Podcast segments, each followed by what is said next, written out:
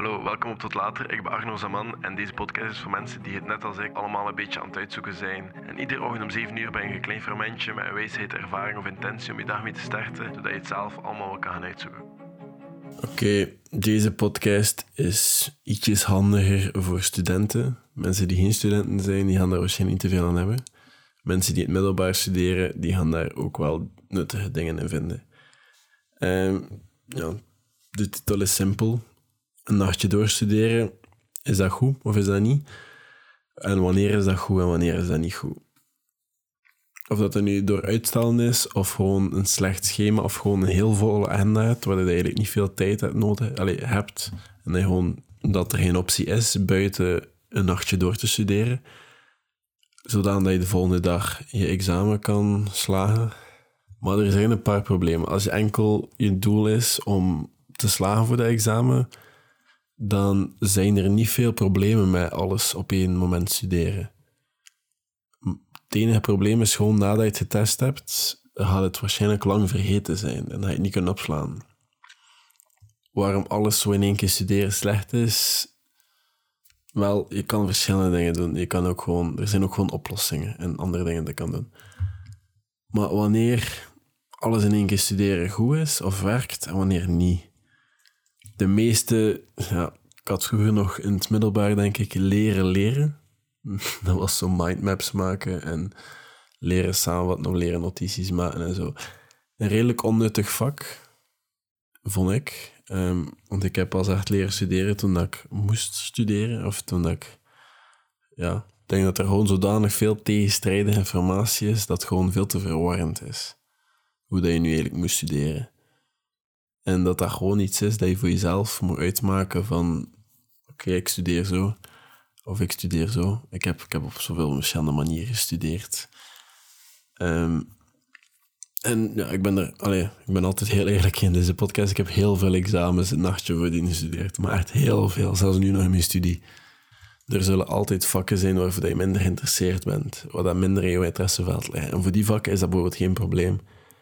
Voor andere vakken waar je bijvoorbeeld wel interesse in hebt en dat je denkt van oké, dat is wel nuttig om dat mee te nemen, studeer dan niet de dag voordien, studeer dan niet de avond voordien, want nadat de test is, bij die informatie vergeten. En in mijn studie zijn er heel wat vakken dat gewoon een vervolg zijn op een ander vak, waardoor dat je als je informatie niet weet van dat vorige vak, dat dat wel een beetje kan mislopen. En ik spreek uit ervaring, maar sommige vakken waar ik bijvoorbeeld totaal geen interesse in heb, bijvoorbeeld website management, tegenwoordig is het zo makkelijk om een website te maken. Ik moet de HTML-code niet weten, ik moet niet kunnen werken met Dreamweaver. En zelfs werken met Dreamweaver is niet zo moeilijk. Coderen is in principe ook niet zo super. Alleen de basics, hè. HTML, hè. ik spreek het over, dat is in principe niet super moeilijk. Maar om, dat, om daar zo altijd de lessen te gaan volgen, omdat, daar zie ik het niet van in, van die vakken. Er zijn andere vakken dat ik dan bijvoorbeeld wel zou doen. Wel altijd. En dat ik wel methodes dat ik even ga uitleggen zou toepassen. Maar sommige vakken ga je gewoon niet interesseren. Maar voor vakken die je wel interesseren, alles in één keer studeren, dat, dat, dat is geen goede beslissing. Tuurlijk, het gaat ervoor zorgen dat je je examen misschien slaagt. Wat dat ook niet zeker is. Maar nadat de test is, ga je het vergeten.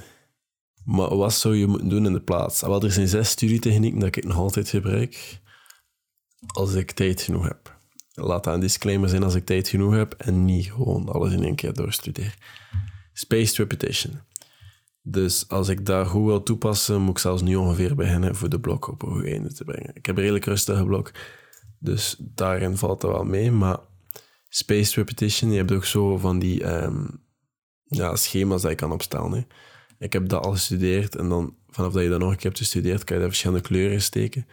Uh, oranje, ik moet het sowieso nog een paar keer doen. Groen kan het al goed, dus kan je beter focussen op iets anders. En zo moet je een aantal keer groen hebben voordat je alles kan. Maar dat vraagt heel veel tijd en dan moet je heel veel tijd op voorhand ook hebben. En je kan dat dan studeren met flashcards bijvoorbeeld, of een flashcard app. Daarin kan ik maar één app goed aanraden en dat is Anki. Um, dat duurt wel even om daarin je flashcards te maken. Maar je kan daar heel goed spaced repetition in oefenen. En je al je leerstof heel goed uit je hoofd kennen na een tijdje. De Feynman-techniek, um, ja, de Feynman techniek is heel simpel. Je moet kunnen uitleggen alsof, het, of alsof je de leerstof uitlegt aan een vijfjarig persoon. Dus krijg, alleen neem een blad papier en schrijf de naam van het concept dat je nu aan het studeren bent aan de top. Dan leg het concept uit in eigen woorden, alsof dat je het, was, alsof dat je het aan het uitleggen was aan iemand die er niks van kent. Dus probeer het simpele taal te maken. Gebruik geen vakjargon of techniek, technicale taal. Allee, dingen dat iemand, daar niks, iemand die daar niks van weet, moet het verstaan. Dat is het hele concept. En gebruik enkele voorbeelden van het hele concept in actie. Dan bekijk je verklaring van het concept opnieuw en kijk voor problemen.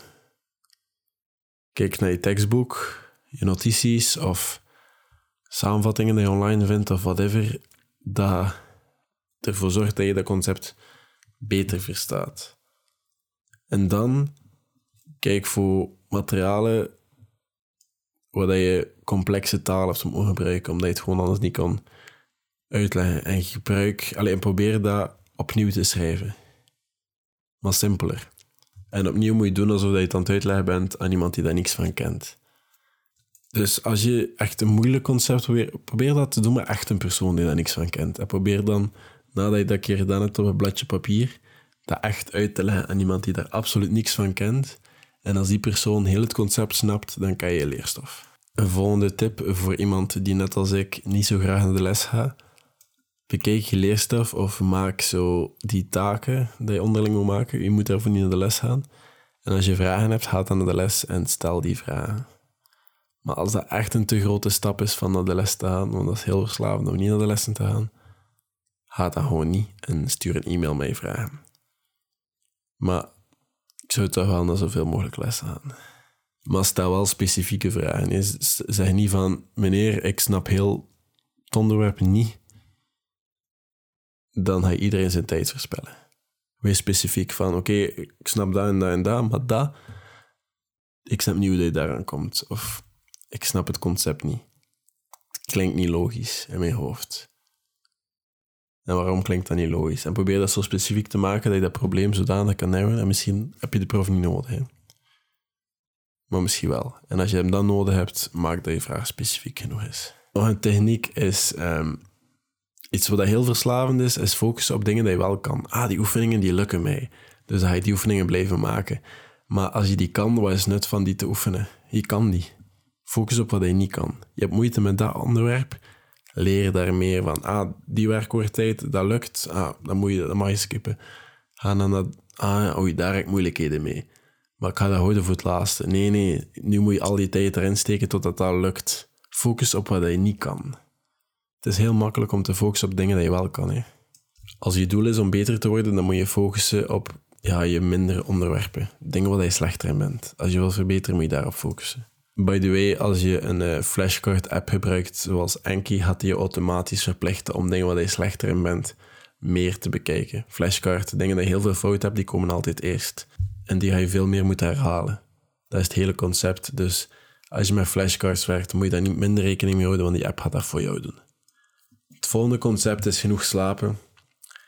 Ja, er zijn genoeg wetenschapsplaren of onderzoeken dat duiden om geheugen, dat zorgt ervoor dat je veel meer onthoudt. Dus als je genoeg slaapt, ga je ook veel meer onthouden.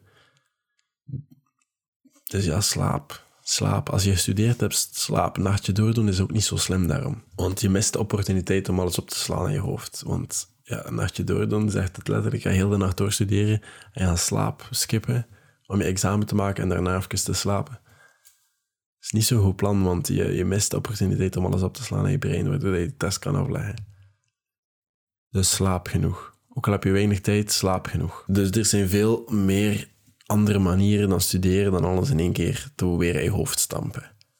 Je kan niet de snelheid van studeren forceren. Dat lukt niet. Dat kost tijd. En het opnemen van deze podcast heeft een beetje gemotiveerd om een takenlijst te maken van hetgeen dat ik allemaal nog moet doen en beginnen studeren, zodat ik eraan kan beginnen. Maar ook dat is een vorm van uitstellen, hè, want ik ga dat niet gewoon plannen, daarom ga ik nog altijd niet studeren. Hè. Dus dat is bijvoorbeeld ook iets waar ik een beetje moet aan gaan werken. Maar dat komt wel in orde. Als je een medestudent kent die deze podcast moet horen, stuur dat gerust door naar die persoon en dan hoor ik jullie morgen. Tot later.